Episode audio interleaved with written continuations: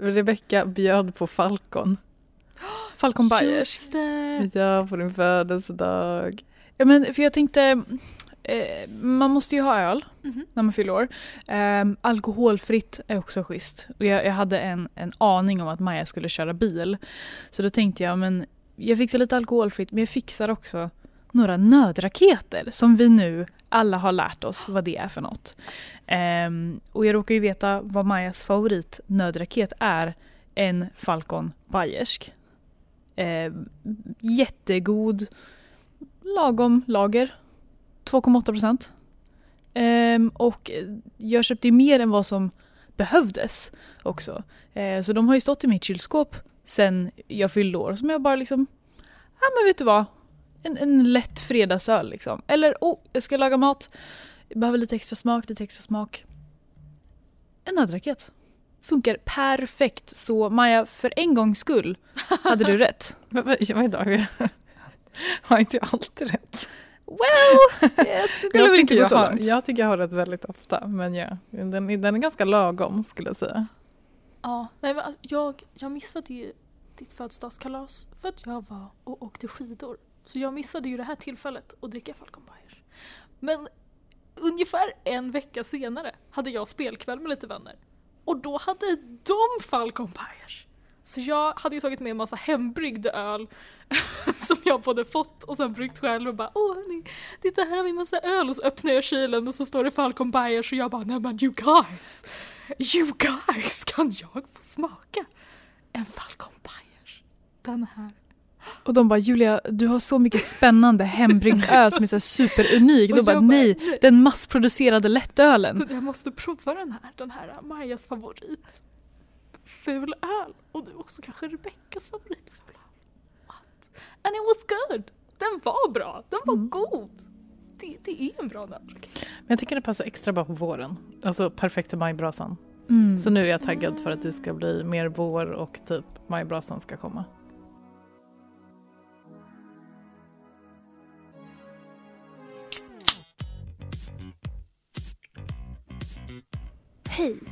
Och välkomna till Humlepodden med mig, Julia Jacka. Maja Koivunen. Och Rebecca Findell.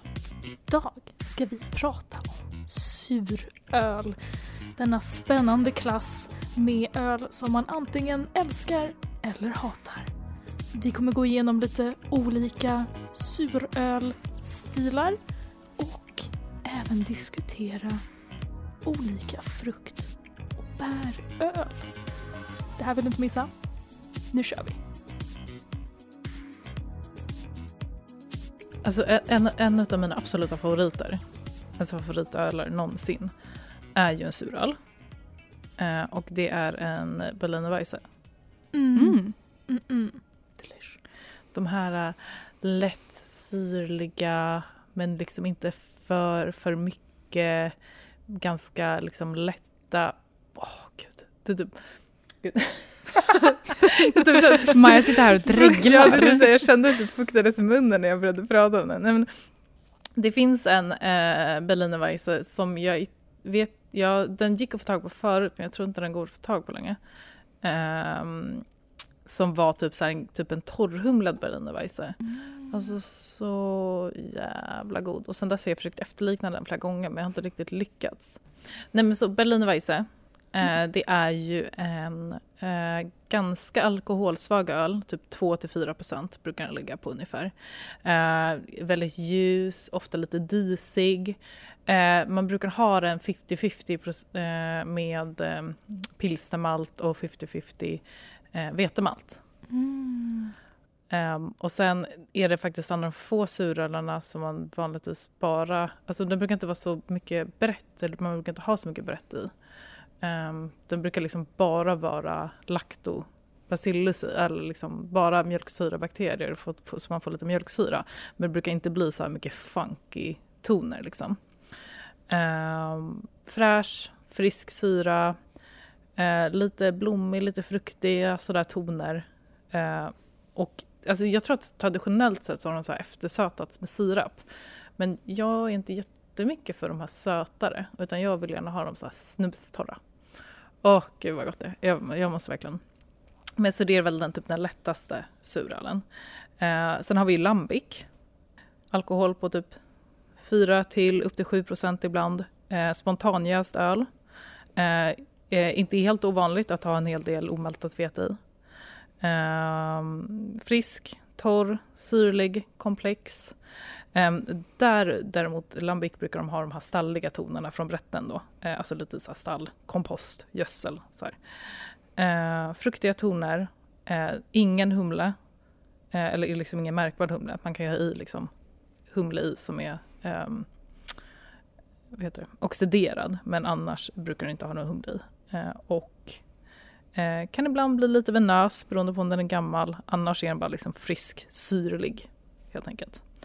Uh, sen har vi ju gös. Vänta, får bara snabb fråga ja. här. Jag älskar ju Lambic. Det är ja. typ min favoritöl.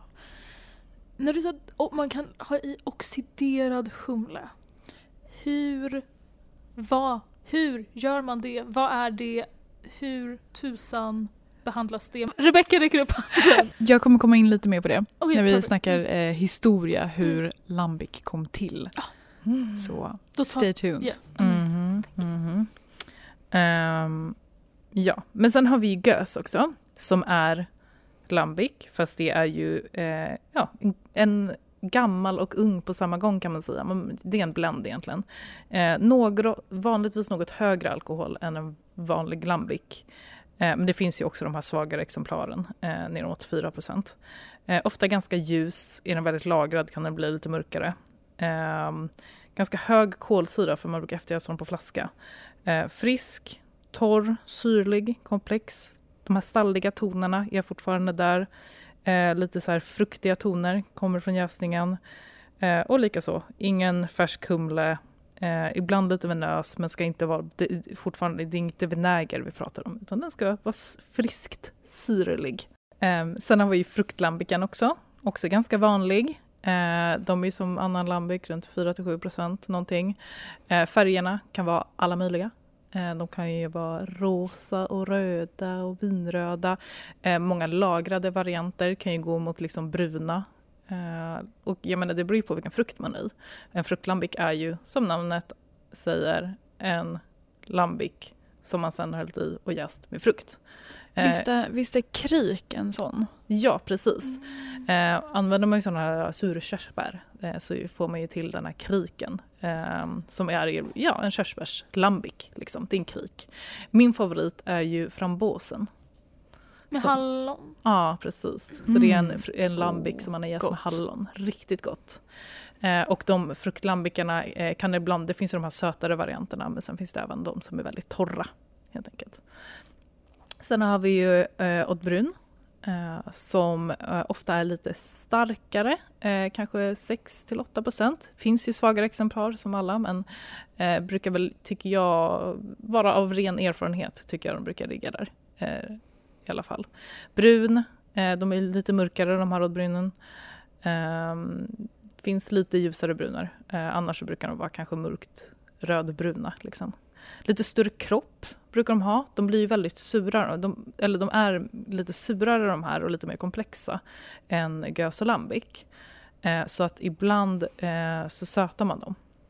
Eh, men de kan upplevas lite så här sötsyrliga, det är mycket torkad frukt, russin, dadlar, ibland kan det gå mot vinbär. Eh, chok choklad kan det vara, eh, lite karamelltoner. Eh, inte helt ovanligt att de är fatlagrade. Um, då kan de få liksom så vaniljtoner eller cherrytoner typ. Uh, men de är mycket surare än lambic och gas. De är fortfarande inte vinäger, men de är väldigt venösa. Um, och de här är också, gillar man suröl, då gillar man Oddbryn. Jättegott faktiskt. Men jag tycker att det blir jobbigt att dricka mycket och det är synd. För att mycket av de här eh, liksom kommersiella Oddbrynen som är riktigt bra, de säljs på 75-flaskor. Mm. Om du tänker typ Rodenbach till exempel. Mm. kommer så stora 75-flaskor och då jag, jag, vet inte, det kanske är de som älskar Oddbryn och bara dricker hur mycket suröl som helst men jag tycker att det är lite jobbigt att dricka så mycket. Så att helst vill man ju, det blir lite av en sällskapsdryck då. Mm. Köper man en sån mm. stor flaska så ser man ju till att vara några stycken som man kan dela. Alltså jag tycker att Oddbryn det är den läskigaste surölen. Mm. Ehm, alltså så här, om man tänker van, vanlig suröl, alltså det är ofta, den är ljusare, ehm, det är en väldigt lätt eh, mjölks, eh, mjölksyra syrlighet som är Mm. ganska lätt på tungan eh, och det är ofta liksom lite frukt i. Det, det funkar för de flesta och det är ganska lätt att liksom ta till sig. Mm. Men en, en liksom mörk öl som är, är lagrad, den har fler komplexa toner plus en liksom jag skulle ändå vilja säga lite mer avancerad syra. Det känns, det är liksom, Men de, de, den är ju liksom otroligt mycket mer Ja. av allting än vad de här andra eh, surölarna är, som liksom Lambic. Eh, liksom, en Oud Bryn är ju liksom extra allt känns det som. man kanske inte börjar sin surölsresa med en Brunn. Eh, inte om man inte älskar det, men älskar man syra då är det absolut Mm. det. Är. Men det, är, det är så gott. När man hittar den riktigt bra, då är det svårt att sluta dricka den alltså. Ja. Men sen, eh, det är bara eh, honorable mention typ, är ju gåsen. Mm. Go, gose, gose, Gåse. gåse, gåse. I, i, I Sverige brukar vi säga gås bara. Eller Som- gose. ja. Eller Inte gose. gos, gos, gås. Gås. Du, jag har hört alla möjliga uttal av det här namnet. Gåse i alla Det fall. är den jag är så förvirrad. Jag är, så här, är det här flera olika sorter? Är det samma grej? I don't Alltså, know. den är ju inte samma som gös. Ah, okej. Så gös och gås. Precis, Yes. de är olika. Ja, Perfect. för gös är ju gös, det är stilen. Gös kommer ju från eh, Belgien. Eh, gåse kommer ju från Tyskland. Mm. Från, vad heter den, Gosler? Gosler? Gåslar. Jag. precis. Ehm, men det är ju en... Jag, jag tycker personligen att den smakmässigt blir ganska lik, tänk en Berliner Weisse som du har haft salt i. Ja, precis. Yes. För det, det är ju någon av de här, eller flera av de här stilarna som man ska ha salt i. Ja precis, att det, det, är väl Rätta mig om jag fel Rebecka, jag vet inte om du har kollat upp det här. Den är väl att man, förr i tiden så var det väl troligtvis att man bryggde den på bräckt vatten, att de hade bräckt vatten. Precis, alltså jag, jag förstår inte riktigt om det är liksom en myt eh, att man tillsatte salt eller om det var verkligen olika på olika ställen. Men antingen så var det sältan kom från vattnet eller så var det tillsatt. Eh, men att, att tillsätta saker i öl det var ju lite Mm. eh, ajabaja i Tyskland och är fortfarande. Men en, en gås kan också ha eh, korianderfrö i. Eh, och det har lite så här, de har väl fått ett undantag för att det är en, eh, vad säger man, så här, Så historisk, Ja, men så här, det, det är historiskt och det är en lokal specialitet. ja. Eh, så då har de liksom sett mellan fingrarna på Reinheitsgebot Wow. för saltet och koriandern. Mm. Det, är typ den, det är typ den enda, liksom, det är typ den enda de bara, okej vi låtsas som ingenting. Ja. Ja, jo, men det är typ en Mm. undantaget de har haft, för den är ju typ från medeltiden, alltså den här stilen, den är jättegammal. Eh, den fick ju typ ett uppsving, tycker jag, för några år sedan. Eh, för typ fem år sedan typ, så tycker jag att då pratades så himla många om den här stilen och folk bryggde den på träffarna man gick, bryggde en massa hembryggare den, det bara gick att få tag på. Nu tycker jag inte att man ser den lika mycket. Um, av förklarliga skäl tycker jag, för den är inte jättegod. Jag, har inte, jag, har inte, ja, men jag har inte lyckats hitta någon som jag tycker är god. Dels för att när de, så fort någon tillsätter korianderfrön i en öl, jag tycker alltså, Inte? de här belgiska vitten, inte gott alls. Eh, jag tycker det förstör Let's agree to disagree. Ja, det är tur att, eh, vad är det man säger, smaken är delad. Något sånt ja. Smaken är som baken, delad. Ja, det är så man säger. Jag förkortade den jättemycket. Smaken är som baken, den stinker och är delad. Så, så. Oj, okej! Ja, whatever. Alltså, ja. Nej, men jag, men jag tror att det är också någonting med, för har man salt, det- alltså man kan ju ha salt i liksom när man brygger en vanlig öl. Vanlig öl. Ja, men liksom så här, jag, man kan tillsätta lite salt när man ska brygga en väldigt typ en helle, så här maltig lager, typ, bara för att man vill ha en lite så här extra maltiga munkänslan. Typ. Men man har ju mycket mer när man gör en sån här öl. Och jag, vet inte, jag tycker att det är någonting med munkänslan som jag blir så här, det är någonting fel. Jag tycker det känns så fel och jag bara, den är så... Alltså eh, salt är ju en smakförstärkare Mm. i matlagning. Mm. Det är därför du liksom alltid ska ha salt i. Men meningen att ha salt i en gås är ju att, eller meningen, ehm, du vill ju känna smaken av salten. Mm. Eh, vilket gör också att du förstärker smakerna som redan finns där men också du får den här liksom som nästan sticker i ögat, saltsmaken.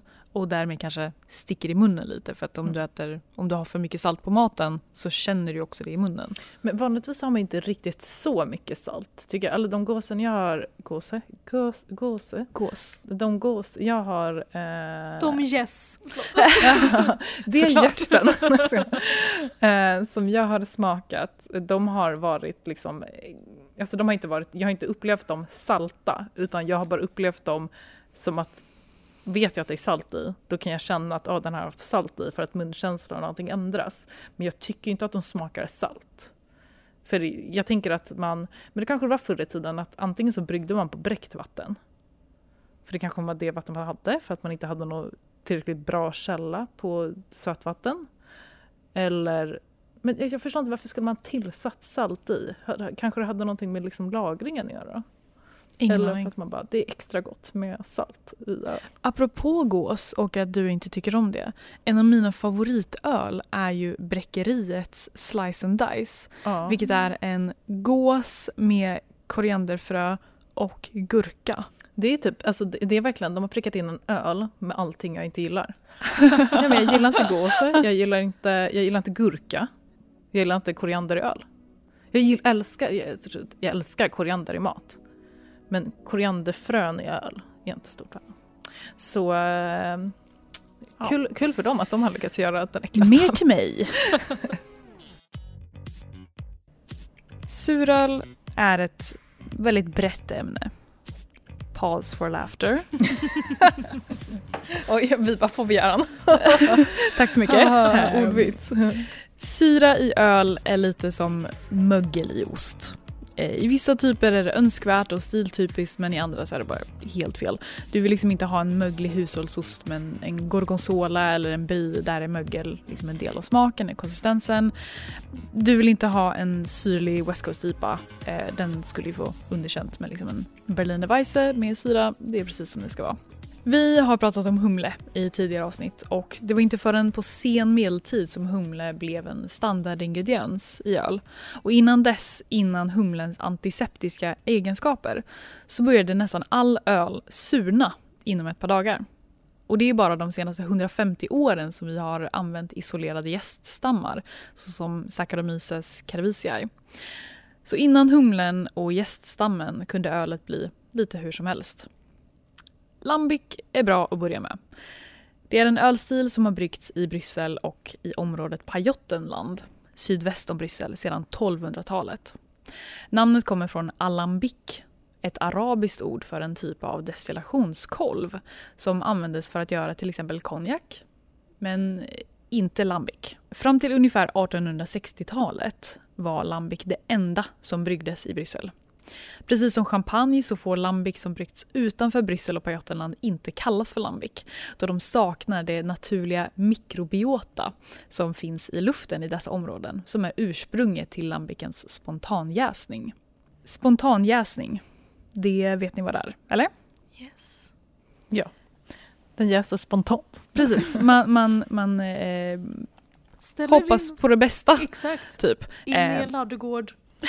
Hoppas på bra bakterier. Typ så. Det är, jag kan, jag kan komma tillbaka till det. Um, destillationskolven användes ju inte för att göra lambic, men något som gör det är ett så kallat cool ship. Eh, en angliserad version av det nederländska ordet för ett stort plant kärl. Alltså föreställ dig typ en, en grund simbassäng på ben. Eh, där vörten kyls ner och sedan får liksom inokuleras med luftburna bakterier och jäst. Ehm, och lambic görs fortfarande på det här viset och jag vet att Stockholm Brewing gör en del av sin suröl på det här. Ehm, med att man bara låter liksom det som finns i luften ta sig ner i vörten och på så sätt starta en jäsning. Wow, men alltså så här, det är imponerande för jag menar på de här gamla, då har man ju liksom haft ganska bra kulturer i, i luften, alltså i Mm. de här källarna eller där man liksom brygger. Men det är ju lite, man ska ju skatta sig lycklig om man bara helt random bara har, har det, för det behöver inte bli bra bara för att man gör Precis. spontanjäst. Liksom. Och jag menar, Stockholm Brewing ligger i Frihamnen, där kan det ju vara vad som helst i luften. Ja. Imponerande. När ölet är inokulerat med jäst och bakterier så förs det över till trätunnor, gärna ek, där det får jäsa i fred i minst sex månader. Eh, anledningen till att det är liksom minst ett halvår är för att den här liksom, kulturen av jäst och bakterier har liksom en, en naturlig eh, utveckling. Eh, jag läste på lite i en så akademisk artikel om eh, Bryssels mikrobiota och hur de beter sig i öl. Och det är så här, den första månaden så är det något som kallas enterobakterier eh, som brukar förknippas med att eh, det luktar spya. Eh, så om du gör en lambic första månaden, det är ingen idé. Det är ingen idé att smaka. Eh, sen efter liksom de första två månaderna så kommer det in eh, pediokocker, eh, Saccharomyces, eh, Lactobacillus eh, och Saccharomyces det är den här vanliga ölgästen när vi pratar om van, vanlig öl så att säga. Eh, Pediococcus eh, och Lactobacillus producerar mjölksyra.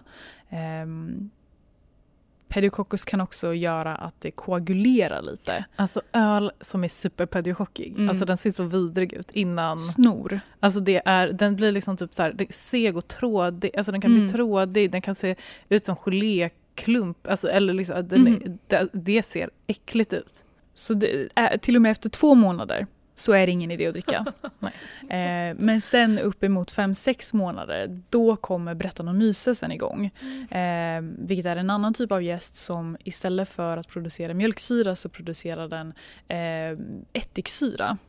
Eh, och du sa det att lambic kan smaka lite vinöst, mm. eller oddbrunn till exempel smakar vinöst. Och det är Brettanomycesen som gör det. Så det är först efter liksom sex månader så har alla de här små gäst organismerna och bakterierna hunnit göra sina, sina delar i kretsloppet.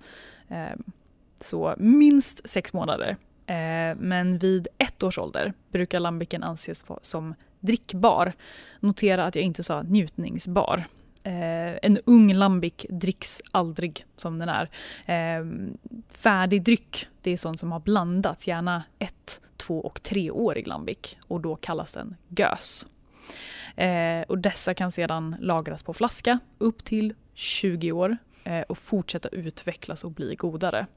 Andra ölstilar kan ju också lagras men ingen så länge som lambic och dess undertyper. Som jag nämnde tidigare blev humlen poppis på 1500-talet. I lambic ville man inte ha någon ytterligare beska eller smak utan bara humlens antiseptiska egenskaper. Därför lät man humlen oxidera i minst ett år tills ingen beska eller smak fanns kvar. Alltså du bara låter humlen ligga helt öppet. Och den här speciella lambic-humlen är ett måste eftersom färskare humle oxiderar med tiden och därmed försämrar ölet. Så för att kunna lagra och förbättra sin lambic måste humlen ha oxiderat och försämrats. En del av min research har jag gjort via organisationen Horal, Hocherad för Ambachteleike Lambic-bieren, eller The High Council for Artisanal Lambic Beers. Det är så jävla fancy. Exakt. Lambiken har ett high council. Det, det lät nästan, alltså, britt, alltså det, det låter som någonting som ska vara brittiskt. The high council. Hur kommer man med i den här gruppen? I don't know. eh, det är en non-profit organisation för lambic-bryggare och gösblandare som har sett till att ord som lambic och gös är skyddade inom EU enligt TSG-beteckningen. Eh, och det är då Traditional Specialty Guarantee som ser till att ja, om det heter lambic så får, för att få heta lambic så måste det vara från ett specifikt område. Precis som mm. champagne, eh, gorgonzola, eh, halloumi, alltså sådana saker inom EU. Så man kan inte göra en lambic i Sverige? Eh, jag tror inte man får, kanske, får man sälja den kanske inte som lambic då? Eh, precis, det, det, är mer kommersiellt. Ja, alltså, du hemma i ditt kök får väl göra vad du vill. Ja. Eh, men om du ska... Om jag skulle ha ett bryggeri och sälja det måste jag kalla det en typ körsbärssuris. Typ. Mm. Om vi rör oss vidare i Belgien till den flamländska regionen har vi Oddbrunn det gamla bruna ölet. Den här tillsammans med saison var så kallade provisionsöl som bryggdes i mängder under de kallare månaderna för att sedan kunna avnjutas under det varmare halvåret när det inte gick att brygga. Det, all, Den är alltså väl lagrad när den väl dricks och har en mörkbrun rödaktig färg. Mer historisk fakta än så gick typ inte att hitta om det här ölet. Ehm, men om jag går efter källarkänsla um, ehm, så verkar det här lite som ett så typiskt fall av ett, ett hushållsöl som var så självklar att det, liksom, det skrevs inte ner något om den utan alla visste ju vad det var. Mm. Fram tills nu när det liksom faller lite i glömska. Mm. Um, och den här började bryggas kommersiellt hos Leafmans Brewery på slutet av 1600-talet. Från Tyskland kommer gås, eh, ej att förväxla med gös. En vetebaserad suröl med fräscha citrus och örtiga toner. Eh, och passande men kanske förvånande sälta. Ölet får sitt namn från staden Goslar i centrala Tyskland där den har bryggts sedan tidigt 1200-tal eller så tidigt som 1000-talet. Ölet fick fäste i Leipzig, sydöst om Goslar, där mängder av Gosenschenken öppnade, alltså gåspubbar. Det var alltså inte yes på pubbarna utan en annan typ av gåspub. Även detta öl är ursprungligen spontanjäst, inte i cool chips utan med hjälp av traditionella gåskärl. Föreställ dig en upp och nervänd glödlampa. Det är liksom ett, um, ett glaskärl med liksom en stor kupa och sen en väldigt lång smal hals. Mm. Eh, och många traditionella gåsflaskor eh, som man kan köpa än idag är formade som de här kärlen. Eh, gås föll eh, i glömska efter andra världskriget då alla gåsenskänken slog igen portarna eh, en efter en och den öl som producerades efter krigets slut var för det mesta underjäst lageröl som bayersk pilsner. Gåsen fick till slut sitt efterlängtade, sin efterlängtade comeback på 80-talet i Tyskland. Ehm, och idag finns över 400 gåstillverkare, de allra flesta i USA, där det verkar vara vågen efter IPAn. Um, amerikansk suröl är också värt att nämna. Um, där de traditionella europeiska stilarna har omvandlats i den nya världen och fått uh, moderna tolkningar. Det var svårt att hitta liksom, exakta årtal på när surölen kom till Amerika. Eh, men den verkar i alla fall ha funnits sedan innan förbudstiden eh, och fick sitt ordentliga uppsving först på 90-talet tack vare importerad öl från Cantillon och Trois Fontaines. Ehm, den amerikanska surisen beskrivs som torrare och med en mer intensiv syra eller som vissa europeiska källor verkar tycka, mer extrem så som amerikanerna har en tendens att göra. Agreed. Jag blir både så imponerad av hur mycket man måste ha testat för att komma fram till såhär, när man kunde dricka en lambic. liksom, hur många drack den för tidigt. Liksom, tänk hur länge man måste orka vänta och lagra och testa. Eller liksom det här med oxiderad humle. Ja precis, det är ju lätt, det är lätt för oss med facit i ja. hand att förstå att ja men alla de här små mikro... Vad säger man? Den, den mikrobiella aktiviteten, att den tar si och så här lång tid. Men på den tiden när man säger oj den här ölen som jag glömde bort i två månader, mm. Mm, varför ser du ut som snor? Exakt. Eller liksom um, bara om man, om man kommit hela den processen och bara åh ja, jag, vi har ett jättebra recept här, det är perfekt. Och så har man i färsk humle och så oxiderar den ölet. Och så. Ja, nej, jag tycker bara det är häftigt. Hur? Det är ganska tacksamt att hålla på med oxiderad humle. Alltså det behöver inte hålla, hålla koll så himla mycket på att åh, det måste vara i syrefri miljö och den mm. kan inte liksom... Det... Säljer vi det? Ja. ja. Okej, okay. oh, wow. Det kan man ju också göra själv, själv, hemma. Ja, jag tror jag har oxiderat humle på mitt kontor. perfekt, perfekt. Ja, men så här, hittar man, jag menar, så här, till exempel som alfasyran i eh, humle, med tiden kommer den bli mindre och mindre och mindre. Alltså den... Det är även i en försluten förpackning i kylskåpet. Så, alltså, olika humlesorter har olika bra lagringsmöjligheter. Mm. Mm. Så vissa humlesorter, ja, men där har du kvar alfasyra under väldigt, väldigt lång tid under de mest perfekta tillstånden. Mm.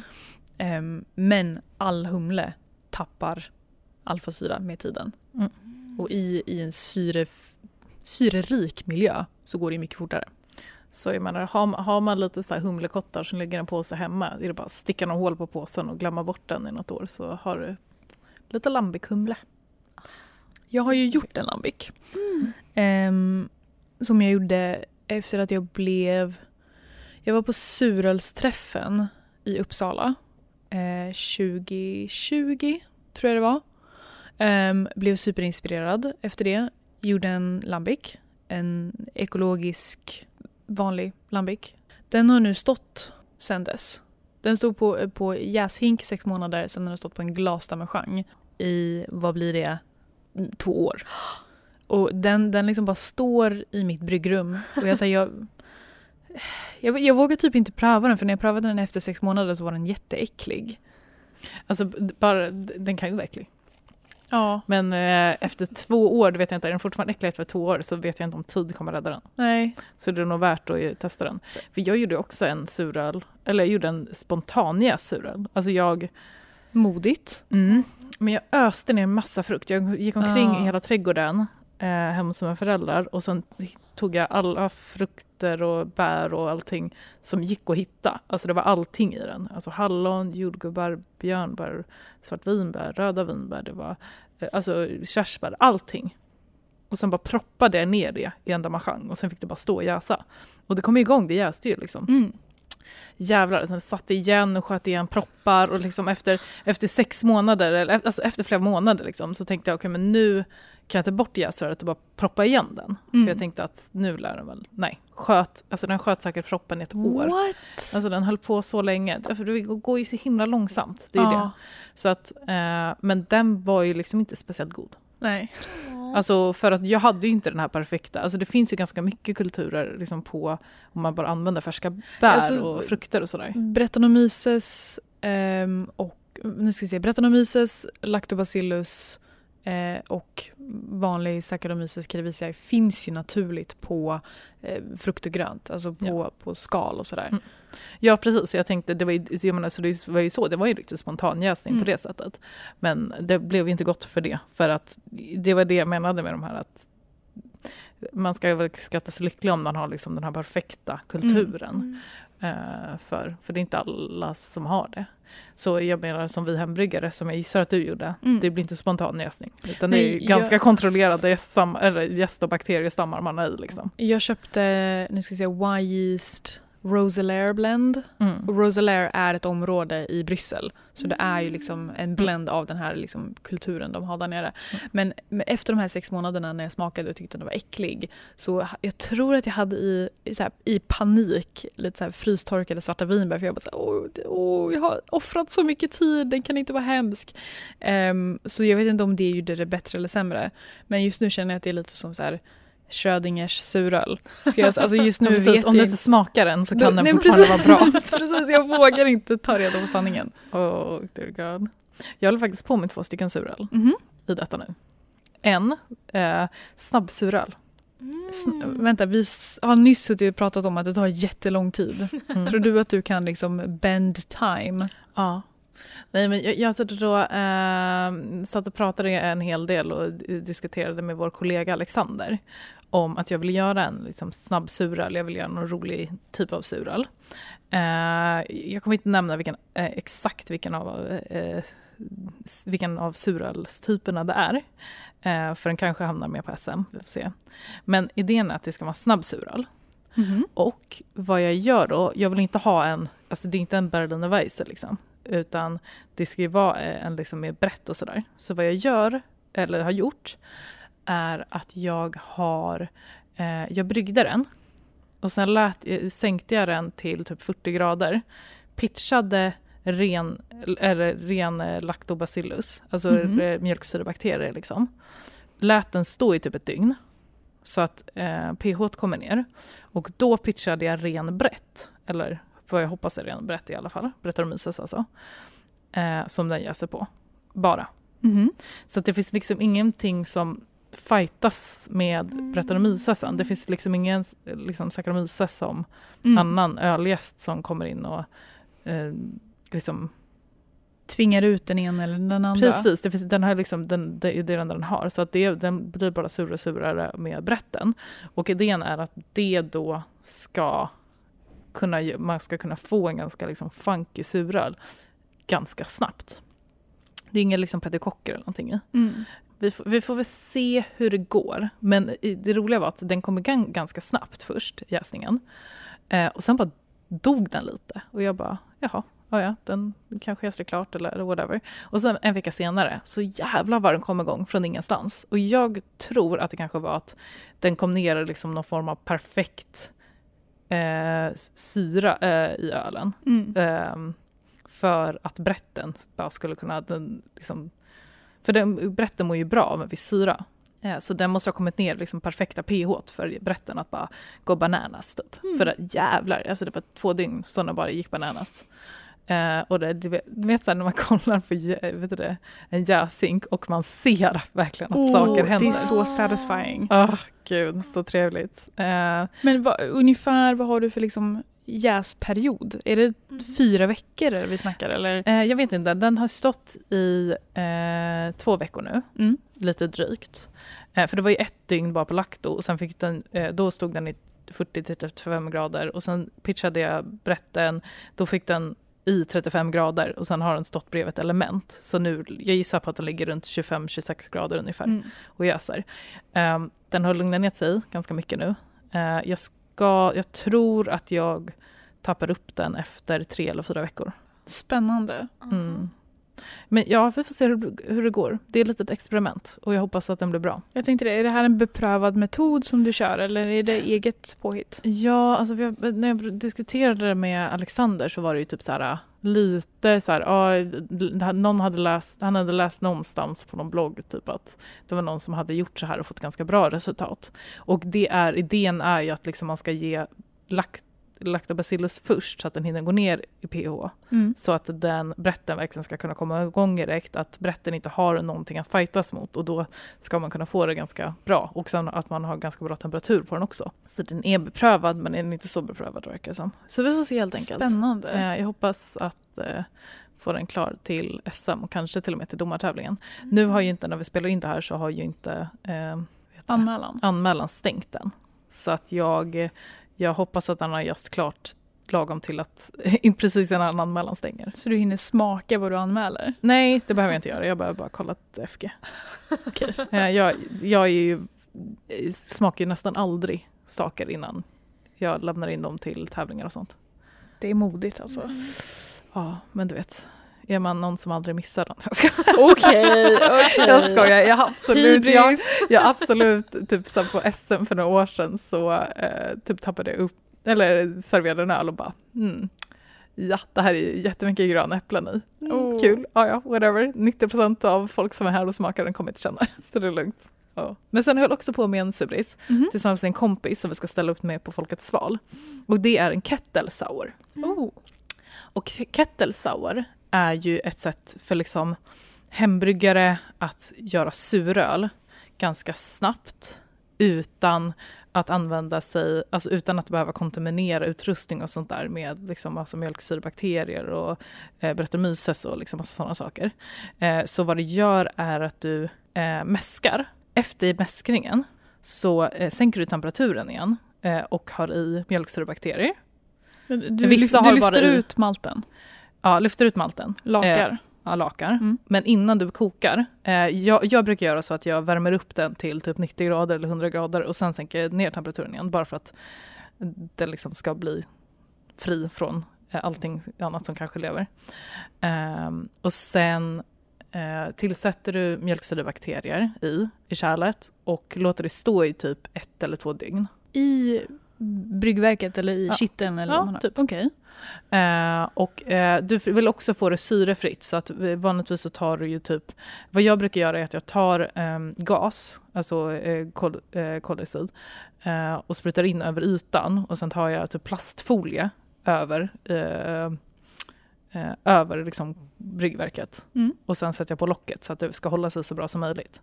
Sätter jag på lite värme så att den eh, vet du det, st- står, så att den inte går ner. För han, ju, ju lägre temperatur det är desto eh, vet du det, långsammare kommer det gå. Liksom. Eh, så jag har den på lite, eh, har den på fortfarande bryggverket liksom, så jag kan hålla koll på det också. Smakar av lite med jämna mellanrum för att se liksom, när den kommer till en bra syra. Och sen när den har gjort det, då kokar jag upp den. Då eliminerar ju alla mjölksbakterier, då slutar den ju surna. Eh, kokar den som en vanlig öl och sen så jäsurar den med en vanlig Saccharomyces Och då Mm. slipper du få liksom, kontaminerade jäshinkar och sådana saker. Så det tar ju själva bryggningen tar ju liksom extra dag. För du, först Mm. mäskar du en, ena Mm. dagen, väntar en till tre dagar beroende på vad det är och eh, hur tid det tar. Och sen kokar du. Så det är ju liksom att du kör halva bryggningen ena dagen, Mm. halva bryggningen andra dagen. Mm. Eh, så det håller vi på att göra, jag och min kompis. Vi ska, eh, den ska kokas troligtvis ikväll eh, om den har fått bra syra. Eh, och ehm, tanken är att det ska bli en hallonsuris med Mm. väldigt stark hallonsuris. Mm. Så vi ska ösa i svin mycket hallon i tanken. När du Alltså säger stark hallonsuris, är det stark Det är alkohol eller alkohol? är det starkt med hallon eller är det stark... Okej, Ah, nice. Tänkte, jag tänkte göra en sak. Nu tror jag att den kanske inte blir riktigt lika stark som jag hade hoppats att den skulle bli.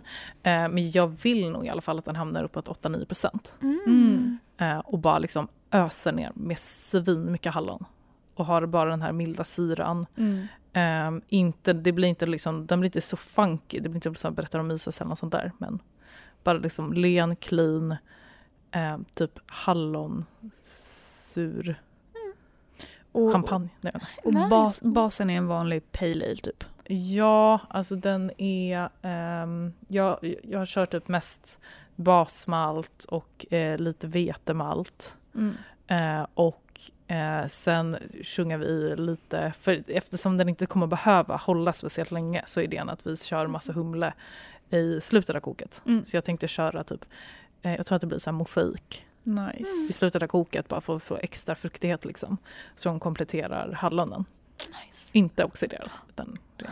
Men jag vill fortfarande inte ha någon väska så att det blir väldigt sent. Nice. Alltså, allt det där låter ju väldigt härligt. Vi Mm. har ju ett surölsprojekt här på jobbet också då och då. Jag vet inte om det är varje år eller om det bara råkade vara förra året. Nej, vi, vi brukar ha det varje år. Eh, nu i år har det inte blivit någonting. Eller 2022 blev det inte någonting av. Men annars så har det varit typ varje år i flera år. Jag tänkte anmäla mig till det och var ganska taggad för jag gillar ju suröl och jag tänkte ja, kul, kul, kul, kul. Och så såg jag vår VD Anders som sprang omkring här uppe och bryggde och han var också med i projektet och då tänkte jag, jag hade anmält mig men jag hade inte börjat brygga än. Och, och jag var lite såhär, men jag kommer hitta ett recept, det kommer gå bra. Eh, och jag, jag har ju hört om den här enklare liksom surölsgästen som går att använda. För det finns ju Brettanomyces som tar, förutom att ja, man kan vildläsa, tar 100 år. Ehm, um, Brettanomyces kontrollerat men kan ta lång tid. Och sen finns det några stycken eller två stycken som är mycket lättare. Och jag fick ju för mig att det var Kettle Sour och det var ju det han använde. Så han berättade hela, så jag var taggad och jag bara okej men hur gör du? Och han bara ja nej men det här är ju superlätt. Och så berättade han basically det här du berättade nyss och jag var så här det där låter inte lätt. Anders, det där låter Ja, men du, du, Det vad du gör jag är att du brygger som vanligt och sen bara har du en, en eller två eller tre dagars paus i Ja, mitten. men, sure. Och sen han hade ju säkert gjort det ännu mer avancerat för att Ja. han är jätteduktig. Så han berättade så glad så så jag bara jag kan inte göra det här. Jag tänker inte göra det här. Så jag backade ur. Och så kom Lollo till mig, Majas syster och bara Men Julia du var ju med i surölstävlingen och nu är du inte med, vad, vad har hänt? Det var jättekul. Och jag bara nej men alltså jag hörde hur man gör. Det lät så jobbigt och läskigt och jag tänkte nej jag kan inte. Och Lollo bara nej men alltså du kan ju använda Philly Sour som är en mycket lättare surölsgäst som basically är som en vanlig gäst. Som bara, det är den vi använde förra året när vi bryggde ölgäri suröl. Och sen förklarade hon en ännu enklare lösning på hur fan man brygger suröl. Och jag var såhär, jaha, nej, jaha, ja nej. Så att äh, även ni som lyssnade på det här och bara what the fuck var det där Maja beskrev. Du behöver inte ens göra det så svårt. Du kan köpa Philly Sour som basically appliceras som en aliest men den surar till det. Philly Sour, den har jag använt flera gånger. Super, super smidig. Anledningen till att jag inte använder nu var ju, eh, är för att den var slut, eh, tyvärr. Eh, men också för att den har inte riktigt lika hög alkoholtolerans. Jag visste inte exakt hur stark min öl skulle vara. Och jag var rädd att den inte riktigt skulle palla med om det, ölen gick upp mot typ 10 eh, Så därför använde jag bara en ale som klarar av eh, ganska stark öl istället. Ehm, Men det är absolut typ, alltså innan, jag, jag förstår inte varför jag, om jag inte hade bryggt lite, något lite starkare så skulle jag aldrig någonsin göra någonting annat än fylla sour. Alltså det är så lätt. Den, Men, är, den är så smidig för det är verkligen, om du aldrig har gjort suröl förut så är det verkligen en nybörjargäst. För att eh, till skillnad från alla, alla de andra här som vi har beskrivit att det först eh, så gör du syran och sen så gör du alkoholen. Eller först så jäser du till alkohol och sen så su- surar du till den. Den här eh, gästen producerar etanol, alltså alkohol och mjölksyra samtidigt. Mm. Och eh, den, hela liksom gäststammen klarar också av mer humledominant mm. eh, öl. Så du kan göra en, alltså en mer modern suröl som är väldigt fruktig från humlen eh, och, och själva jäsningen går superenkelt. För det är det som är grejen med- med liksom färskjäst och alfasyra. Alltså med, det kanske inte för sig alfasyran riktigt, men eller är det det? Jag tror det. Eh, att eh, mycket bakterier och viss, nu är jag osäker på hur det är med Brätten, men det kanske också har lite problem med att det är ju liksom konserverande. Så att de kan ha lite problem med att liksom ta sig igenom det från första början. Eller det kan ta ganska lång tid troligtvis. Eh, så att det är ju också en anledning till att du inte kan proppa ner hur mycket humle som helst i en suröl. Även om du inte hade velat att den skulle hålla speciellt länge så kommer inte det liksom funka helt hundra. Um, men eh, så därför är det ju verkligen super, super smidigt med den här Mm. mm. Och det är ju imponerande. Alltså det, det trodde man inte liksom för flera, flera år sedan. Men vi trodde ju verkligen att ska man ha mjölksyra, då behöver man mjölksyrebakterier. Och ska Mm. man jäsa och få alkohol, då behöver man någon form av jäst. Och det var, liksom, det var det som var sanningen. Mm. Man behöver jäst för alkohol och bakterier för att ha syra. Och sen kommer Philly Sour som Mm. ger en båda. Alltså det, det kändes typ så här, vad är det här för genmodifierat? liksom så här. Och så använder man en gång och bara, det här är det bästa som finns. Mm. Ja, jo, men det är faktiskt revolutionerande. Det är så smidigt. Och sen det tar liksom inte så här, liksom ett, ett år heller att få den liksom bra. Utan Alltså det, det- den görs ju bara några veckor. Liksom. Ja, precis. Det, det är väl lite längre än en vanlig Mm. överjäst Mm. öl som är på typ två, tre veckor. Du, du ska väl ändå vänta minst fyra veckor, Mm. fyra, fem veckor. Mm. Bara för att den, den är lite långsammare för att den gör mer. Mm. Eh, men det är, det är inte sex månader utan det är betydligt kortare än så. Mm. Så värt. Har ni hört talas om termen skenfrukt? Nej. Det, det, vad jag tänker på är skendränkning och, och frukt. Ehm. Så det känns som att det är någon som trycker en, en frukt i facet på någon. Det är inte vad det Att är. skenfrukta någon. Jag uppskattar den gissningen. Jag, jag tänkte ju mer på typ skengraviditet. Det är så här Ah. när kroppen tror att man är gravid men man Ja, är jo, men inte det är det. ju det vad skendränkning är också. Att man tror att man drunknar. Det är Alltså- väl lite mer av en extrem liknelse. Ja men kanske. sken Så det är någonting är ju att det är inte, okej men så skenfrukt är att man tror att det är en frukt och sen är det inte en frukt. Ah, det är det som Oh. sken betyder. Okej, Okej. okej. Fake. Snyggt. Ja. Okej. Eller, eller ja och nej. Alltså det är, det- vi kommer höra roliga definitioner snart. Om vi trodde att ölvärlden hade konstiga definitioner så kommer vi snart lära oss att frukt och grö, grö, växtvärlden har exakt lika skumma jävla definitioner. Okej. Så jag lärde mig vad skenfrukt är när jag skrev det här manuset. Um, som jag nämnde i början av avsnittet så hade jag för några veckor sedan en spelkväll med lite vänner. Och då quizade en av mina vänner oss på en, hon hade skapat en egen liten quiz och quizen var frukt, bär eller grönsak. Och så rabblar hon ett gäng grödor och vi ska säga om det, Det är låter frukt, väldigt lätt. bär eller grönsak. Det låter superlätt. Jag, Maja, jag gillar att du har den här inställningen för det betyder att det kommer gå superbra för mig. Exakt. Okej. För det visade sig ganska snabbt att eh, vi inte alls hade koll på de här sakerna. Så jag bad henne faktiskt om jag kunde få den här för jag tänkte att i det här avsnittet då kommer vi prata massor om olika frukter och bär som är i ölen. Eh, och då, då är det lite kul att kolla liksom, om ni kan definitionen för de här, de här växterna. Eh, och sen behövde jag ju förstöra för mig själv och göra bara lite extra dubbelcheckning på hennes information och så visade det sig att hennes definitioner har varit lite fel. Så hon det, det var lite Sa fake. du det till henne också? Hon- Nej, jag har inte bara, sagt det än. det är fel! Nej, nej, nej, nej, det kommer jag inte göra. Jag, jag uppskattar att hon gjorde quizen. Men det visar sig eh, att det hade varit fake news om jag bara kört hennes grej rakt av och det gör också att jag nu kommer få ta ännu mer eh, teori här innan quizen. Jag ber om ursäkt. Okej, men bra. Ehm, så eh, basically, bara för att vara tydlig, är bär en frukt. För att definitionen frukt är det som bär växtens eh, frön. Ja. Precis. Som faktabanken.nu eller bloggen Fråga en biolog från Lunds universitet eh, säger är alla bär frukter. Frukter innehåller en växts frön och när växtens blommor blir pollinerade så vissnar resten av blomman och det som blir kvar och växer sig större är frukten. Det finns många olika typer av frukter då. En av dem är bär. Så då kollade jag upp vad tusan min kompis hade definierat som frukt. Eh, och de grödor som hon hade kategoriserat som frukt var skenfrukt. Så innan quizen ska jag hjälpa er genom att ge er definitionerna för bär, skenfrukt och grönsak. Och sen kör vi quizen. Okej. Definitionen för bär. Inom botaniken är ett bär en köttig frukt utan en kärna framställd från en enda blomma som endast har en äggstock. Definitionen för skenfrukt. Vänta. Förl- Maja, du vet väl hur många äggstockar blommor har? Det hoppas jag. vänta. Vänta, nu måste jag, nu måste jag tänka. Kan du säga det här? Det är, det är inte en Det, det är en, den har mer än en kärna. från mer än en äggstock. Från, nej, från, Nej. En, från en blomma med endast en äggstock. Okej, okej, bra. Den, då den förstår har jag. mer än en kärna men den är från en blomma som har en äggstock. Okej, bra, bra, bra. Okej, då har jag koll. Ja. Mm. Definitionen för skenfrukt, en skenfrukt eller falsk frukt, har skapats både från en blommas fruktämnen och någon annan del av blomman. För att inte förvirra det med något annat så finns det också stenfrukt. Det här är inte stenfrukt, finns inga stenfrukter i den här quizen.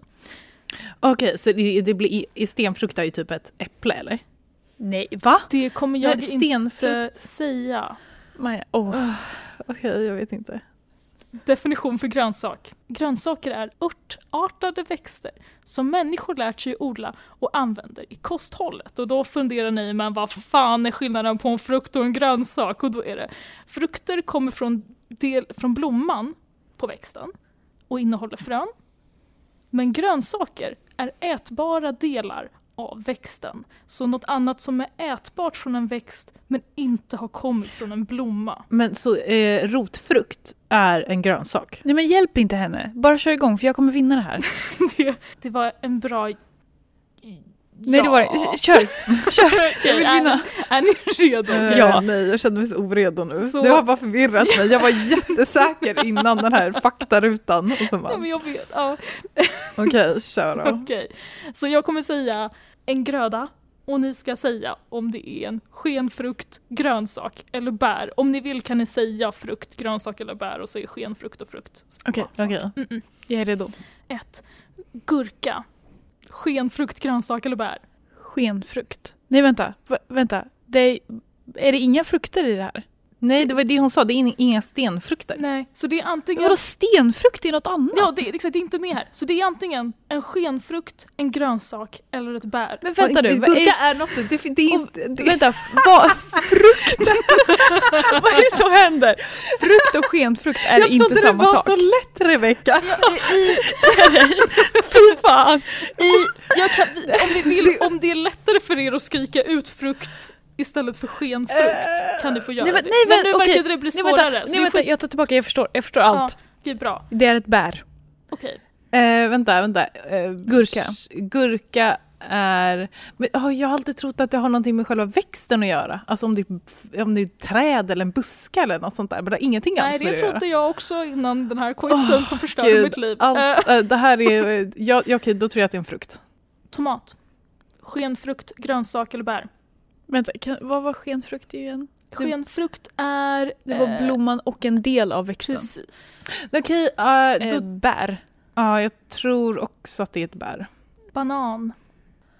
Eh, det måste ju vara en, en skenfrukt. Nej. Är Nej, det, är ett bär. Uh, precis, jag, jag har aldrig någonsin... Men jag, jag, fan, jag har aldrig någonsin sett en... en hur, hur, hur ser en... Ett banan, hur ser en bananpalm ut när den blommar? Det Vänta, för det, för det var, det var, var det skillnaden? Att, att bäret... Åh gud, jag är så förvirrad. Nu, du förvirrade mig mer. Men, det hade nej, nej, varit vänta. Det, bättre. det, är, s- det är superlätt. För bär, då är det att det, blomman pollineras Mm. och, och det växer från blomman. Mm. Men och det och grö, eh, skenfrukt, vad det Då också? är det blomman och en del av växten. Och grönsak är växten. Det känns, ju, det känns ju inte som att det är någon... Uh, Okej, då tror jag att banan är en frukt. Skenfrukt. Broccoli. eh, Skenfrukt. Gröns... Nej men vadå, det är ju... Broccolin är ju blomman. ja, precis, ja, precis. Det, det är en Eh, grönsak. Blir det en grönsak då? För att broccoli kan ju blomma över. Ja. För du, Och det, det du finns- äter är ju blomknopparna. Ja, men det är det jag menar. Ja. Men det finns ju också... Ja, jag tror att det är Mm, grönsak. grönsak. Eh, pumpa. Eh, Skenfrukt. bär. Paprika. Bär. Bär. Jag känner att jag säger bär på väldigt många. Ja, jag, jag vill, det är det som är grejen. Jag vill ju säga att allting är bär, men jag försöker att hålla mig för att det inte är bär. Men paprika känns utan tvekan Bär. som ett bär då. Eh, zucchini. Frukt, skenfrukt. Nej, det är bär. Men jag tycker att allt är bär. Men Du är en sån som svarade A på alla. Du svarade... även en klocka som går fel går rätt två gånger om dygnet. eller ja, precis. Ja, kör. Aubergine. Bär. Ehm, skenfrukt. Oliver. Oh. Eh, frågan är inte är om det är en grönsak då? Vänta, hur ser. Jo, men det måste vara en grönsak. Hur ser ett olivträd Jag började också ut? fundera på olivträd. Jag har nog aldrig sett... Det, sen- det är en grönsak. Också de, du måste ju behandla oliverna supermycket innan du ens kan äta dem. S- Om du eh, inte gör olivolja. Ja. Skenfrukt. Nypon. Skenfrukt. Åh. Jag vill säga bär. Majs. Sädeslag. Det ingår också i en av de här. Va? Men är, är, är, har vi sädeslag med också? Nej, sädesslag kan ha frukt. Ja. Ah. Så då kan de ha en av de här. Ehm, Eh, grönsak. Vänta, vänta. Blomma. Nej, grönsak. Det här tror jag är en luring för att, vänta, eh, är det, är det enskilda majskornet eller är det majskolven? Oh, jag... Spel, troligtvis Jag spelar tror- inte det någon roll. Nej, Men för varje majskorn har ju en liten kärna. Och då kan det ju per definition inte vara ett bär eftersom ett bär måste ha mer än en kärna. Mm, Okej, men då är det kolven. Då, om det är kolven då säger jag bär. Tack. Eh, Åh, eller nej, vänta, nu kanske jag lurade dig. Uh, Jag kör den då. Ja, vi, vi skiter i det. Okej, ja. jag, jag säger grönsak på den Ja, i alla nej, fall. Okej, perfekt. Vi får diskutera den här sen. Ja. Ananas. Eh, det måste ju vara en grönsak då. För, vänta, vänta, vänta. Är grönsaken när en del utav... Växten är ätbar men det är inte från en blomma. Inte blomman. Oj, då har jag Mm. sagt fel hela tiden här. Eh, jag säger att det är en frukt. Ja, skenfrukt tror jag också. Nej, nej, nej, nej, nej, nej, nej, nej, nej, nej. Det, är- det är en, eh, det, det, är en grönsak. Okej. Förlåt, det är en grönsak. Eh, potatis. Grönsak. Grönsak. Rabarber. Grönsak. Ja, grönsak. Jordgubbar. Bär. Ö, är, är det en... Kan det vara ett bär även om ehm, kärnorna sitter på utsidan? För om, om så är fallet, då säger jag ju sk- skenfrukt. Men vad... Bär. Vi kan diskutera det här sen. Jag har ett facit längre ner. Det känns som vi har alla fel, kan jag säga. Nej, tala för dig själv. Äpplen. Sken... Fan! Ehm, Ursäkta. Jag har alltid trott att äpple är en stenfrukt. Så du men förvirrade mig. Stenfrukt, är du skön eller? Nej, Jaha, vänta, vänta. Stenfrukter är typ persika. Ja. Yes. Aha, men då, då, eh, då lär ju äpplet... Det är ett bär. Ja, det lär ju vara ett bär då, då faktiskt. Har äppelblomster en äggstock, Maja? Jag har ingen aning. det, det var det som förvirrade mig nu. Jag vet knappt skillnaden. Vad är, vad är, Bär. Ja, Ni tror båda till bär. Ja. Mm. Eh, fikon. Fikon är ju lite av en eh, säg, luring. säg igen. Eh, fikon. Skenfrukt för grönsaker och bär. Är det inklusive geting eller inte? Inklusive geting. Fikon, fikon kan bara pollineras när fikongetingen kryper in i blomman, fastnar, dör Oh wow. och typ Blir en del utav frukten. Ja. Holy shit that's amazing. Så det, det är en så här Det är typ en intressant, köttätande växt. det är en intressant debatt om fikon är veganska eller inte för en geting måste dö för att den ska kunna pollineras. Vilken grej. Nej Mm. det visste jag inte. Ja, ja sure. Inklusive geting. alltså inklusive Eh, geting. Kasta in en Eftersom- geting. Eftersom det finns exklusive geting. Nej, jag Ja. tror att det är ett, eh, en eh, skenfrukt. Eh, Det tänker jag också säga faktiskt. Mm. Kronärtskocka. Eh, det måste Det är också en- vara en...